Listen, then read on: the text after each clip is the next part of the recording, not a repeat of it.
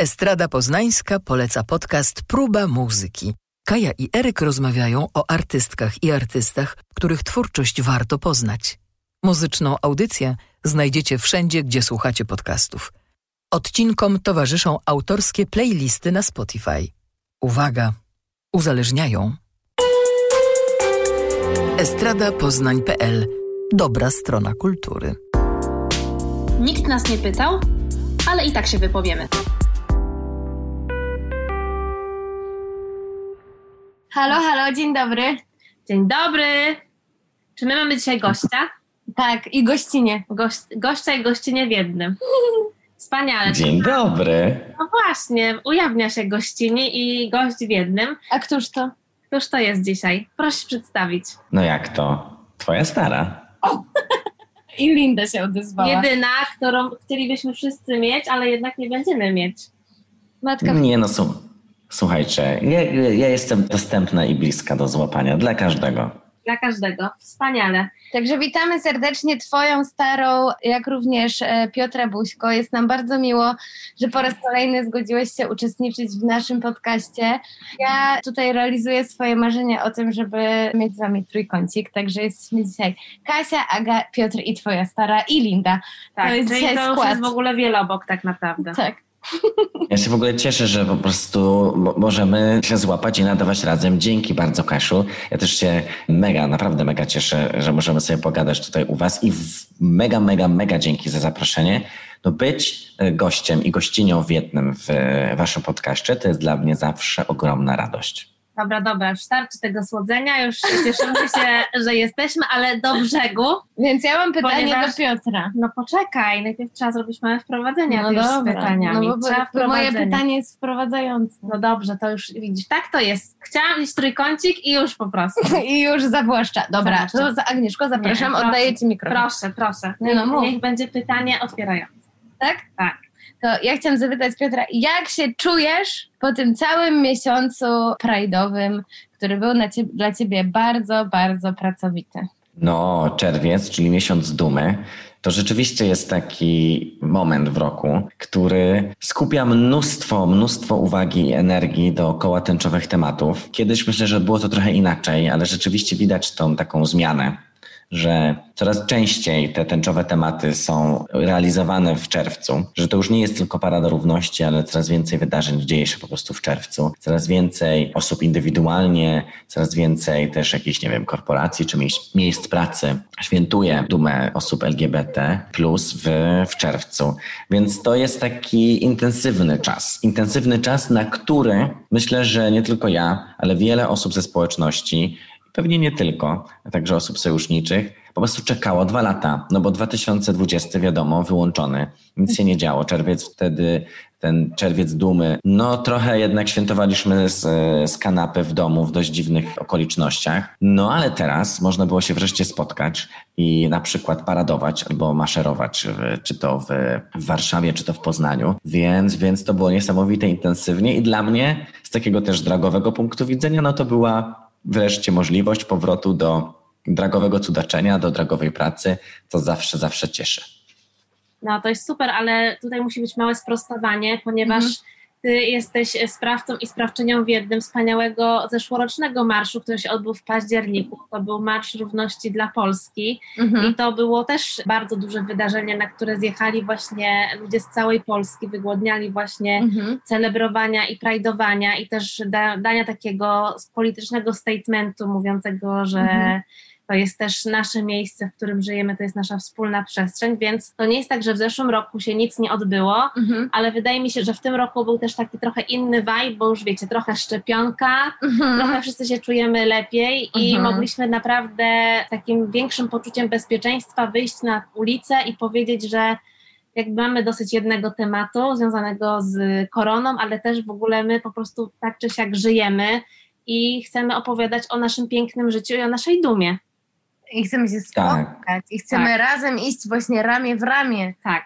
To jest chyba też super ważne w tym kontekście celebracji, bo był to bardzo piękny miesiąc, który miał w ogóle bogaty był wydarzenia i nie Mhm. będziemy tego podsumowywać, bo nie jest to temat podcastu, Nie. ale oczywiście trzeba o tym powiedzieć, bo to jest trud i praca wspaniałych osób, które poświęciły na to nie tylko cały swój czas związany z miesiącem, ale to są zawsze też cały ten czas przygotowań, żeby to wszystko mogło się odbyć, więc tak. my chylimy czoła przed tymi wszystkimi osobami, którym się tylko, chciało to tak, robić. nie tylko czas, ale właśnie energia, no pewnie często praca niekoniecznie odpłatna, pewnie często praca też aktywistyczna, no praca kreacyjna, twórcza, bo właśnie był to miesiąc nie tylko marszów czy parad, ale też wydarzeń kulturalnych, edukacyjnych, pokazów filmowych, koncertów, występów drag queens, występów performerskich, spektakli teatralnych, teatralnych, no po prostu piękny festiwal, tak. festiwal równości.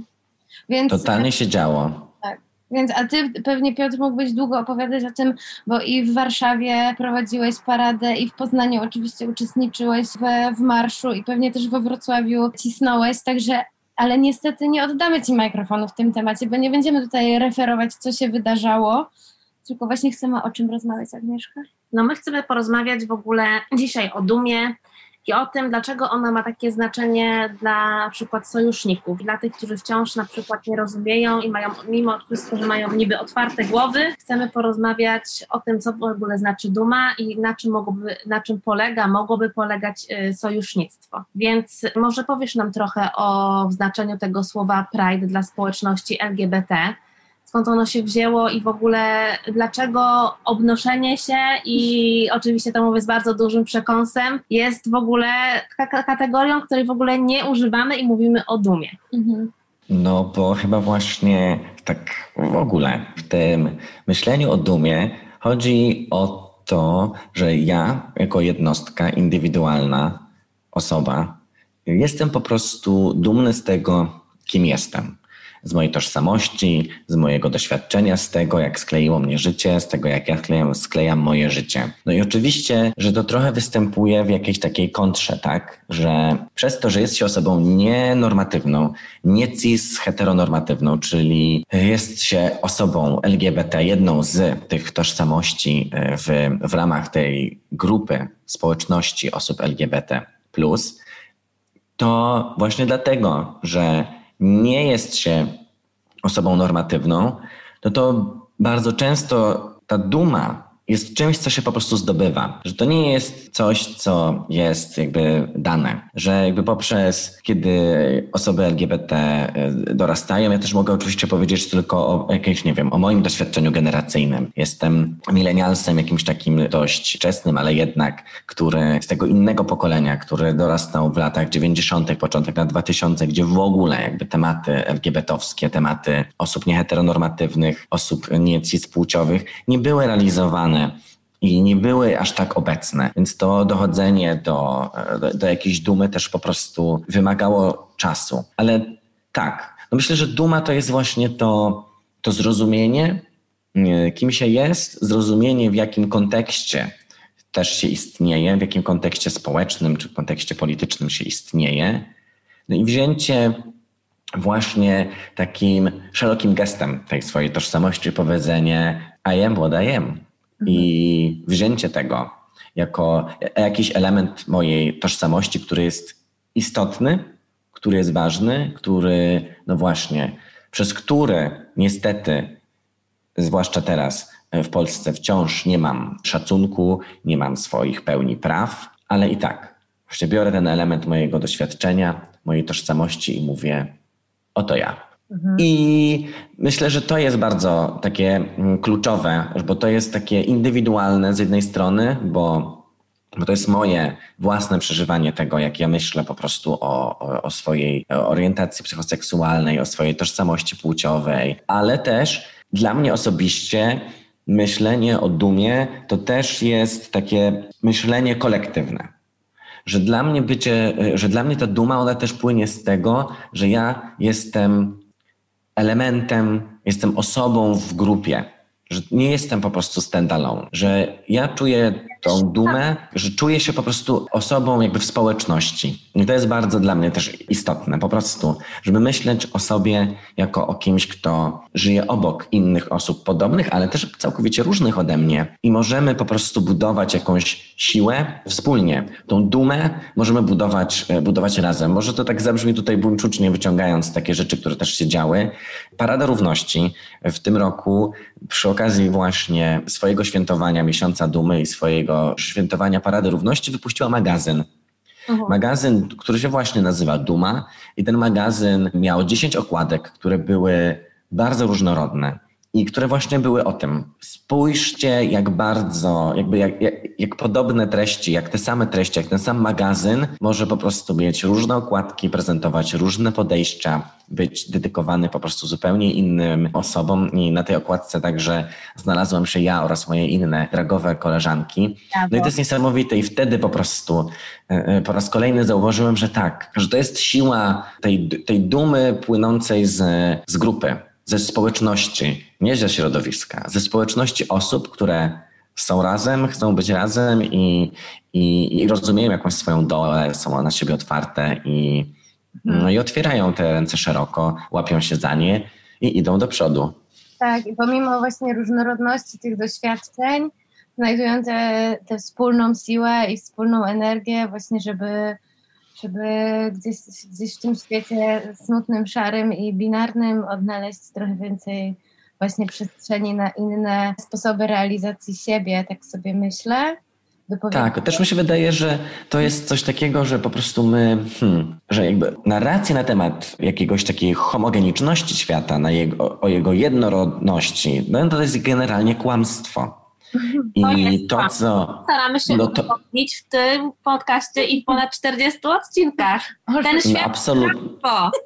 No tak, no ta narracja, którą się po prostu, którą mamy jakby jako ustawienia fabryczne, wdrukowano, no to jest generalnie, no to jest trochę kłamstwo. Moim zdaniem faktem o świecie jest to, że świat jest różnorodny, bioróżnorodny na poziomie po prostu ekosystemów i tak dalej, jest też jakby różnorodny, jeżeli chodzi o o ludzi, którzy zamieszkują ten świat i całą resztę innych gatunków. Więc no naprawdę jakby przyjęcie i zrozumienie różnorodności świata i tego, jakie niesie to za sobą wyzwania i jakby stawienie tego wyzwania, jakby przyjęcie tych wyzwań w taki właśnie otwierający sposób, a nie formatujący, że oto tu po prostu musimy, no właśnie, co musimy?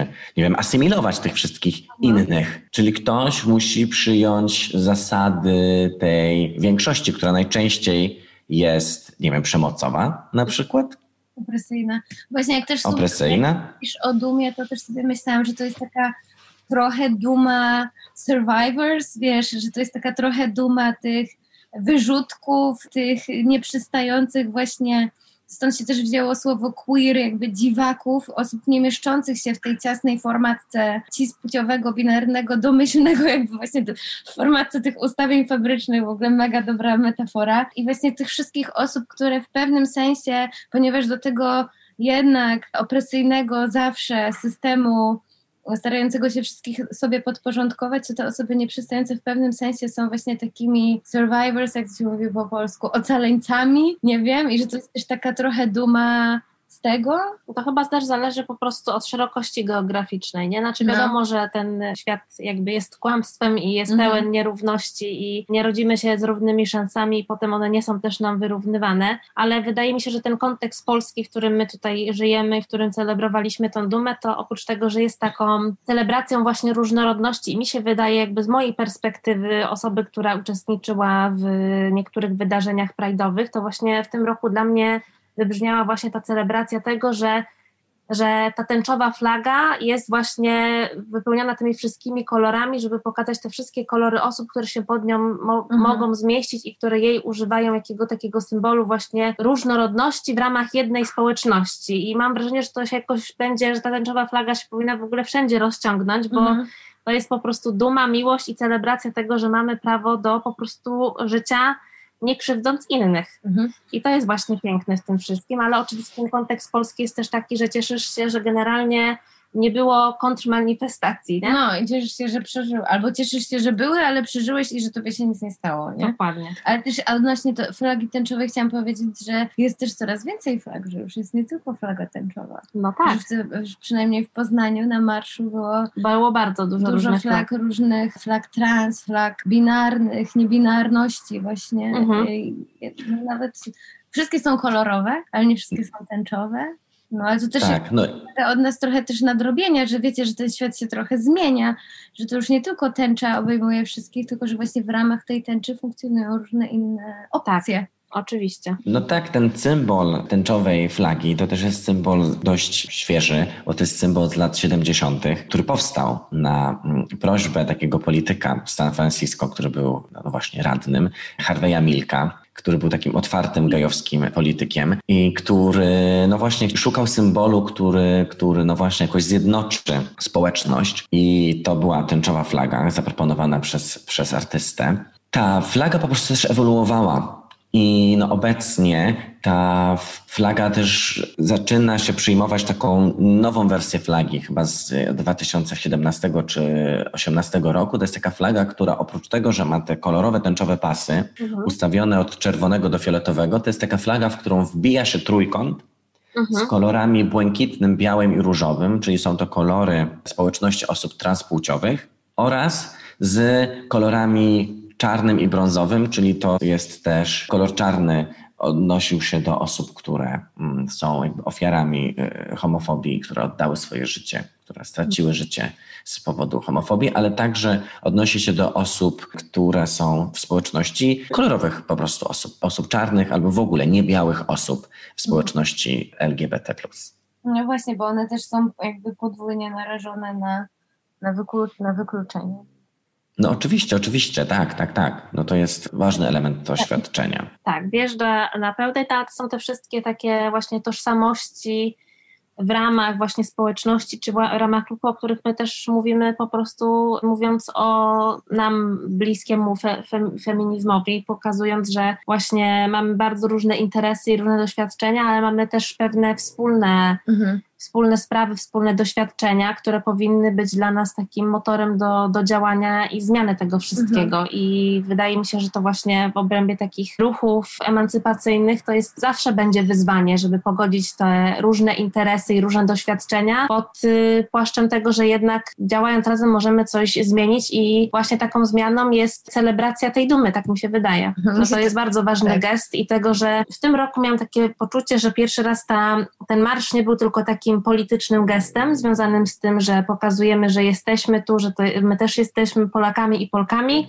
mhm. ale że to była też taka po prostu celebracja związana z tego, że na przykład wiem, kim jestem, albo odkrywam to, kim jestem, mhm. i to jest w ogóle wspaniałe. Mhm, tak, też mam takie wrażenie, szczególnie, że bardzo dużo ludzi młodych było na marszu w Poznaniu, nie? Tak. Bardzo dużo i, i super też chciałam spropsować jeszcze grupę Stonewall, bo działają bardzo prężnie i mają bardzo dużą też ofertę dla osób młodych, właśnie dla nastolatków, którzy tak jak mówisz, jak może dopiero odkrywają siebie, bo zaczęło się u nich jakby kminienie tego, nie? Uh-huh. Kim są dokładnie i mają, i Stonewall organizuje dla nich grupy wsparcia, konsultacje z psychologami, grupę przygotowującą do coming outu, grupę dla rodziców, osób LGBTQ+, które jakby też może potrzebują wsparcia, żeby skumać to, jak właśnie mogą być sojusznikami i wspierać, więc... Jak żyć w świecie, który jest kłamstwem. Tak, jak żyć w świecie... Ja myślę, Stara, że ty w ogóle musisz poprowadzić takie warsztaty. No. Jak żyć w świecie, który jest kłamstwem. Tak, no, masz gotowe odpowiedzi. Ten Jakby zawsze.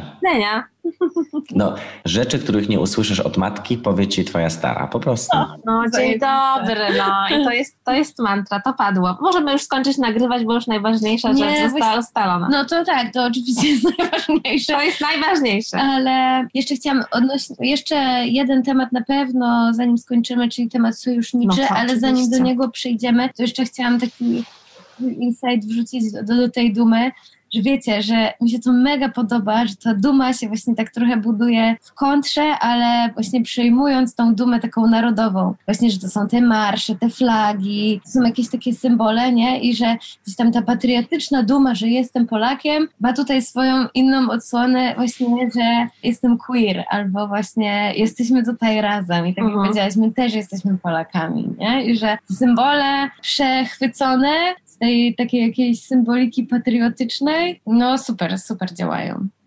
I też No, myślę, że w ogóle to jest doskonała też strategia, że mm, teraz w tym kontekście politycznym, gdzie tematy jakieś takie patriotyczne są jakby tak dmuchane i oczywiście one są w ten sposób formatowane, że w gruncie rzeczy mało kto w ogóle pewnie jest Polakiem, czy Polką, czy w ogóle może należeć po prostu pod tą flagą, więc jakby rozsadzanie tej, jakby tej, po prostu przekuwanie tego balona, to też jest taki, taki fajny gest. I rzeczywiście w tym polskim kontekście ta duma, no też nabiera innego kontekstu, że to już nie jest tylko ta, nie wiem, gejowska czy queerowa duma, tylko no właśnie tutaj też mierzymy się z tym, e, z tym tematem wstawania z kolan, no bo rzeczywiście, skoro Polska wstaje z kolan, no to polska społeczność osób LGBT+, jakby też wstaje z kolan, proszę Państwa i Panów i generalnie, halo, jesteśmy tutaj i upominamy się absolutnie o wszystko, bo myślę, że to też jest takim wynikiem, że już dość tej niewidoczności, że dla mnie to jest też takie często to powtarzam, że można naprawdę w Polsce przeprowadzić przez centrum miasta, które się nazywa na przykład Warszawa, Wrocław albo Poznań, tysiące ludzi, dziesiątki tysięcy ludzi i wciąż społeczność osób LGBT jest niewidoczna. Jednego dnia w roku przechodzi przez miasto 50 tysięcy ludzi i nikt tego nie widzi. I nie jakby prowokuje to żadnej zmiany. Mało tego, mówi się nam, że jesteśmy, nie wiem, stonką zrzuconą z zachodu, jakąś nowalijką po prostu Unii Europejskiej. I dla mnie to też jest taka duma, że ja naprawdę rozumiem, że jestem trochę, brzmi to po prostu buńczucznie i jakoś górnolotnie, ale przecież to jest taki podcast. Przecież my się nie boimy patosu. Dawaj. Dokładnie, że po prostu ja, ja jestem jakimś dziedzictwem tych wszystkich osób, które działały przede mną, które żyły przede mną i to w ogóle jakby zupełnie przewrotnie uważam, że to właśnie jest duma z życia. Mhm. Życie jest w ogóle najba, naj, jakby jest najbardziej przewrotne. Jeżeli komuś chcemy zrobić na złość, jeżeli prowokujemy, to tylko i wyłącznie prowokuje moje życie. Mhm. To, że istnieje, a nie to, jak je realizuję. Mhm. Mhm. Ej, woman. No to właśnie też odpowiadając na pytanie Agnieszki z początku, ale dlaczego musicie się tak obnosić? Właśnie, Bo wiecie, to jest jakby, ja tak powiedziałam to bardzo przewrotnie, bo ja e, taki malutki insight szybki włączę, że jakby ja jeszcze 10 lat temu to słyszałam takie hasła, po co oni się obnoszą, ale i dawno że już tego... ja nikomu nie zaglądam do sypialni, Tak, ale czy na ulicach i w szkołach?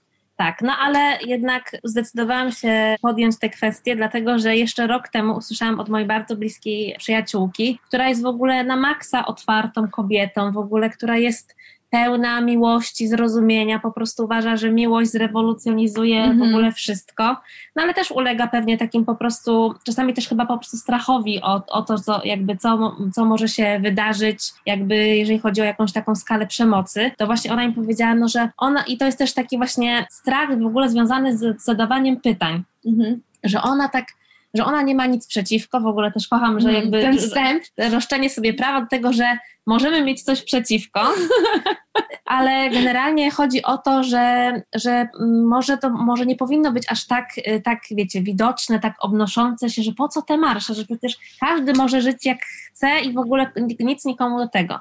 No i to jakby się pojawia chyba taka pierwsza rzecz, jakby właśnie o to chodzi, że nie każdy może żyć tak jak chce, bo Mhm. Właśnie mimo tego, że my jesteśmy kobietami i to jakby nas stawia w takiej pozycji trochę gorszej już na świecie, to jednak możemy się poszycić wieloma przywilejami. Tak. I na przykład w roku 2021 z naszym białym przywilejem wyedukowanych Mhm. cisseksualnych kobiet możemy powiedzieć, że no generalnie póki co na dzień dzisiejszy, 8 lipca, możemy żyć tak jak chcemy, bo Mhm. mamy ten przywilej. Ale jednak w tym samym dniu wiele osób powie, że nie ma takiego Tak, przywileju i tak. potrzebuje właśnie takich gestów związanych z tym, że może poczuć się jak u siebie, mhm. że jest taki nie tylko miesiąc, nie powinien być to tylko miesiąc dumy, ale to jest bardzo ważny znak, że jest miesiąc dumy i właśnie wszystkie te akcje edukacyjne, które mówią, dlaczego jesteśmy dumni mhm. z tego, kim jesteśmy i dlaczego to jest tak ważne, żeby tę dumę celebrować i pokazywać, że przez wiele lat i właściwie na co dzień pokazuje nam się, że powinniśmy się chować, powinniśmy gdzieś tam realizować swoje życie po cichu, żeby tylko nie pokazywać, tak, że, że, że fabrycznie wgrana ci seksualność i binarność jest po prostu, jej status quo zostało zagrożone. No.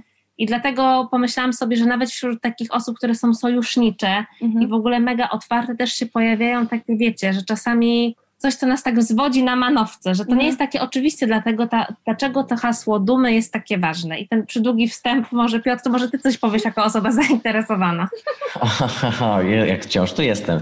Słuchajcie, mi się też wydaje, że to jest po prostu, że jest dużo pułapek i czasem można w nie wpaść, ale to nie znaczy, że jak się wpadnie w pułapkę, to po prostu to są takie wnyki, co nam odgryzają nogę, już w ogóle nigdzie dalej nie pójdziemy. Po prostu myślę, że warto jest jakby zmienić wektory myślenia. Po prostu. I usłyszeć, nie widzieć w tym, no właśnie, jakiegoś obnoszenia się, tylko po prostu usłyszeć, co osoby chcą powiedzieć i przede wszystkim zastanowić się, dlaczego ja reprodukuję takie myślenie, bo moim zdaniem to jest związane z czymś takim, że ta deklaracja otwartości też na różnorodność jest związana z tym, że my jesteśmy gotowi ją przyjąć i gotowe, wtedy, kiedy ta różnorodność spełnia moją wizję różnorodności. Mhm. Czyli jakby wy wszyscy jesteście spoko, no ale tu będzie jakby szereg warunków, które trzeba spełnić, żeby, żebyście naprawdę byli spoko. Okay. Okay, no, no i to jest wyzwanie. To znaczy przyjąć kogoś, kto przychodzi ze swoją ekspresją, kto przychodzi ze swoim doświadczeniem, kto przychodzi ze swoją tożsamością i zapytać go: hej, kim jesteś, jak możesz wzbogacić mój punkt widzenia, a nie powiedzieć mu, chodź, to ja ci opowiem, jak wygląda świat. I to jest duże, myślę, że wyzwanie, żeby po prostu przy spotkaniu z jakąkolwiek, że, ta, że to spotkanie z innym nie jest o mnie, tylko jest o kimś, kto mi przynosi po prostu swoją historię. I albo chcemy ją usłyszeć, albo nie. I to jest coś takiego, co ja y, też kiedyś usłyszałem na jakichś takich warsztatach, w których brałem udział. Właśnie a propos y, takich kwestii antydyskryminacyjnych, że są różne, że, że ten cykl jakby zbliżania się do siebie wygląda w taki sposób, że, że w pewnym momencie pojawia się taki termin asymilacji, że oto właśnie asymilujemy tych, że chcemy, żeby ktoś po prostu wypełniał nasze warunki społeczne. Mhm. I że to jest asymilacja i w tym tak naprawdę i ta asymilacja, ona nie jest otwartością. Mhm. No bo ona, ma, bo ona w jakiś sposób nas warunkuje. To znaczy, jeżeli spełnisz jakieś warunki, no to wtedy jesteś członkiem społeczności.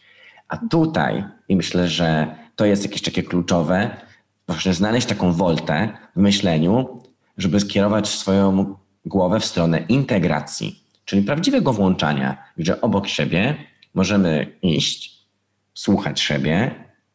I to jest mega wyzwanie, bo no wiadomo, że to jest jakaś może utopia, ale no moim zdaniem jest to jakaś przynajmniej rzecz warta próby. Tak, tak. No, to no bo ja wtedy na, ja muszę ci to, naprawdę jakby... Od... To jest utopia. Mhm. Ale jeżeli mamy do czegoś dążyć, to tylko do utopii. No, ja chciałam to samo powiedzieć, że jest to utopia, ale jest to piękna utopia i jeżeli Bez świat zmierza w innym kierunku, to ja wysiadam. Tak. Ale wiecie, w gruncie rzeczy to jest też coś takiego, że, te, że ta utopia może się gdzieś zrealizować na przykład w spotkaniu jeden na jeden. I że to wtedy też buduje inaczej świat, tak? Bo jeżeli spotyka się kogoś, kto jest osobą nienormatywną, która bardzo ma, nie wiem, trudne doświadczenia swojego życia, to spotkanie z tą osobą i danie jej takiej przestrzeni na pełną otwartość, na bezpieczeństwo i swobodę, no właśnie nawet w ramach takiej po prostu utopii, no to to zmienia życie, nie? No. I, I też o to chodzi. I jeżeli my w, w, kontaktach jeden na jeden będziemy umieli taką próbę podjąć, no to komuś będzie po prostu lżej. No, Ale czy my nie podejmujemy zacząć? takiej utopii w tym oto podcaście? O, my że świat to kłamstwo. Jezu, mi się to tak podoba, Piotr. Dziękuję, że mi dzisiaj zrobiłeś dzień. No, chyba będzie Jezu, ja- nowy czy, ja znowu zostaję, czy ja znowu zostaję memem? No, dzień dobry, oczywiście, że tak. Ej, właśnie, Jak już, raz zaczą, jak już raz stałeś się memem, to już teraz jesteś osobą memiczną. Jak już jesteś na Make Life Harder memem, no to już wyżej, wiesz, się nie da, nie? W Polsce. No nie, Szymon Agnieszki mówi, że tutaj, że Joe, Mon- Joe Monster jest wyżej. I on A, też na. Joe Monsterze wylądował. Naprawdę? O Więc to matko, gratulacje. Więc tak, ale kończąc y, te wizje utopijne Mhm. I rozważania na temat tego, że świat jest kłamstwem, to jeszcze musimy powiedzieć o tym, na czym nam bardzo zależało w tym odcinku, czyli o tym, jak być sojusznikiem i sojuszniczką, osobą sojuszniczą. Tak. bo mówiłyśmy o tym wiele razy w podcaście naszym, mówiąc o jakichś takich feministycznych rozkminach i o tym, jak mężczyźni mogą być sojusznikami Mhm. spraw, spraw kobiet. No i mówiłyśmy oczywiście o takich rzeczach jak udostępnianie platformy swojej, o obecności, o tym takim wspieraniu, ale czy są jeszcze jakieś takie, no nie wiem, mechanizmy, jakieś takie klucze, które mogłyby nam pomóc jakby, jakby po prostu być sojusznikami, którzy jakby są rzeczywiście tymi osobami, które sojuszniczą, a nie robią tą sprawę o sobie. No i właśnie, że nie zawłaszczają, bo my się tutaj tak właśnie trochę chwalimy, że przecież nasz podcast jest taki sojuszniczy, ale Może wydaje, wydaje mi się, że nie są to puste słowa, a jeżeli możemy to jakoś ulepszyć, to proszę oświećcie nas i na pewno chętnie to zrobimy, ale to też mi się wydaje, że to pytanie o sojusznictwo i jak dobrze je robić jest też ważne właśnie w kontekście Pride'u i momentu, w którym nagle wielkie korporacje zmieniają swoje loga na tęczowe, albo wbijają się gdzieś tam na Plac Wolności i jakby spoko, o ile rzeczywiście na przykład przekazują jakieś fundusze, bo na pewno nie jest to tanie, żeby zorganizować taki wielki miesięczny festiwal, wydarzenia kulturalne, edukacyjne i tak dalej i taki dobrze zorganizowany marsz to po prostu nie jest tanie i potrzebne jest wsparcie też finansowe. No ale właśnie jak to robić, żeby to nie były puste słowa i tylko zmiana logo na tęczę, nie? No. Piotrze. To moim, moim zdaniem to najważniejsze będzie na przykład edukować siebie, dowi- dowiadywać się, poznawać historię. Nie tylko wiedzieć coś o tym, jak żyją moi przyjaciele, przyjaciółki, osoby, które znam, ale po prostu poznać historię, że jak już wiem, że jest ta tęczowa flaga, to na przykład, nie wiem, chociaż sobie przeczytać na Google, na Wikipedii, przeczytać sobie po prostu artykuł o tęczowej fladze. Szukać tych historii. To jest myślę w ogóle bardzo też istotne, żeby rozumieć, że historia, queerstoria, herstoria jest też historią jakby mo, mo, moją. Nawet jeżeli jestem osobą sojuszniczą, to też to osoby LGBT budowały zawsze naszą wspólną historię. Tak, no ale to I dobrze jest po prostu je widzieć. Murali, które widnieją w Poznaniu za, za pośrednictwem Netflixa, że nie ma Mhm. historii bez historii LGBTQ+. Mhm. Nie ma. I nie będzie. No i nie ma No oczywiście, mówisz, nie? Czy nie ma jakby no, w kraju? Bo... Tak. Mhm. tak, tak, tak, więc to jest coś, co myślę, że warto też jakby znać, czyli jakby dowiadywać się, szukać. Na przykład też, jeżeli chcemy być słusznikami, może warto jest pomyśleć o tym, jak mówimy, o języku. Jest taka cudowna, bardzo e, polecam, może, może będziecie tutaj e, chciały podlinkować, publikacja, jak mówić i pisać o osobach LGBT+. I wydana między innymi sumptem e, Lambdy Warszawa. Bardzo dobra publikacja, gdzie po prostu jest dużo o, o, o tej takiej wartości językowej, ale też dużo o osobach LGBT+, napisane przez osoby LGBT+, co jest w ogóle mega istotne, że rzeczywiście no to jest po prostu przez nas o nas, tak? Nic o nas bez nas. My wiemy, jak chcemy, żeby się do nas zwracano, jak chcemy, żeby o nas e, mówiono. I to też jest ważne, żeby właśnie tutaj poszerzać chociażby takie swoje kompetencje. Y, Nie bać się na przykład wychodzić i brać udział w tych wszystkich wydarzeniach, które gdzieś się dzieją, czyli marszach, ale też jak są jakieś wydarzenia y, takie kulturalne, to też w, nim, y, w nich brać udział. Super ważne jest na przykład, jeżeli ktoś chce i dla kogoś ważny jest też to taka agenda grup aktywistycznych, które działają, no to na przykład bardzo fajnie jest, nie wiem, zrezygnować z jednej kawy albo paczki papierosów i zrobić przerw, darowizna na konto. Mhm. To jest niby nic, ale to jest bardzo ważne, bo, rzeczywiście w tym momencie, gdzie organizacje nie, nie, nie, nie cieszą się jakimś olbrzymim dofinansowaniem, to zwłaszcza te takie małe, to, yy, to jest istotne, żeby je żeby je wspierać. Polsce jest bardzo dużo organizacji, y, które działają na rzecz osób y, LGBT. Można znaleźć swoją, która jest blisko tego, co myślimy, blisko też osób, które chcemy, e, które chcemy wspierać. Jeżeli komuś jest bliski los osób transpłciowych na przykład, to tutaj Transfuzja jest taką organizacją, której warto się przyglądać i, i, i warto ją wesprzeć. Co można jeszcze robić? Myślę, że w miejscu pracy bardzo często jest tak, że, że po prostu ten temat jest właśnie prywatny i nikt po prostu nie chce o tym mówić i jest tak, że nie wiem, osoby, osoby LGBT rzadko bywają otwarte w pracy, chociaż to się oczywiście zmienia, ale często jest tak, że rzadko bywają otwarte. I na przykład fajnie jest może, nie wiem, przy swoim biurku mieć taką jakąś naklejkę tęczową albo cokolwiek i po prostu najzwyczajniej w świecie powiedzieć głośno, jestem sojusznikiem, jestem osobą sojuszniczą. Nie myśleć o tym, że to jest jasne. Mhm. Tylko po prostu powiedzieć to głośno. Bo to są te wlepy. Można zrobić. Na przykład. Super. To są dobre, dobre rady, mi się wydaje. Będziemy o tym pamiętać. Będziemy o tym pamiętać, będziemy o tym mówić, bo to są też takie pytania czasami, że ludzie się boją je zadać, bo myślą, że to jest fopa mhm. i że to powinno być oczywiste. Więc ja myślę, że żeby nie bać się pytać, ale jeżeli to nie jest pytanie, które ma już odpowiedź założoną, no. tylko żeby rzeczywiście być gotowym na usłyszenie tej odpowiedzi i tego, o co, o co kogoś pytamy. No i też takie w kontekście takich pytań, to jest też e, coś, czym się dzielę bo w ramach Pride Monthu między innymi uczestniczyłam w takiej dyskusji w, na kontenerach w Poznaniu po pokazie filmu Not a Boy, Not a Girl o osobach właśnie niebinarnych i potem była dyskusja. Częścią dyskusji była gadka między innymi o zaimkach, nie? Mhm. I że pytanie o zaimki jest ważne, i tylko trzeba je też jeszcze znormalizować. I tam mhm. nawet padł taki tekst, że no w internecie nam się już to udało znormalizować, bo mnóstwo ludzi ma te zaimki gdzieś wpisane na przykład na Instagramie tak, czy na bardzo Facebooku. Dużo.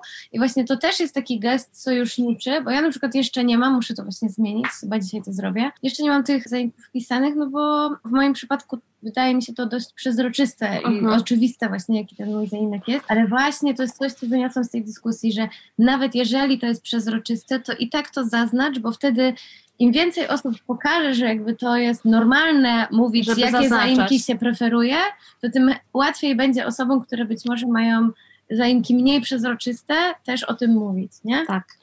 tak. Plus to będzie wtedy też jest taka sytuacja, że nagle się okaże, że, że swoje zaimki określa tylko jakaś grupa osób. No właśnie. I to, do, że, że ten temat dotyczy tylko tej grupy. Tak.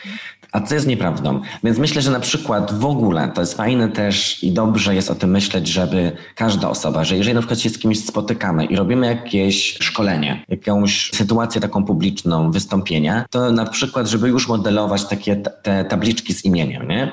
Że piszemy tam imię, a pod spodem preferowany zaimek. I dbać o to, żeby każda osoba to uzupełniła. I tak, stopki w mailach też, żeby, po, żeby pozmieniać. To, jest, to, są, to są rzeczy, o które, o które warto, o których warto pamiętać. Super. No to mamy kilka wskazówek, kilka wskazówek kilka bardzo mądrych rzeczy. Ja y, chciałam powiedzieć, że jestem dumna z tej rozmowy i że ona się tu odbyła i padło tutaj, myślę, dużo fajnych rzeczy.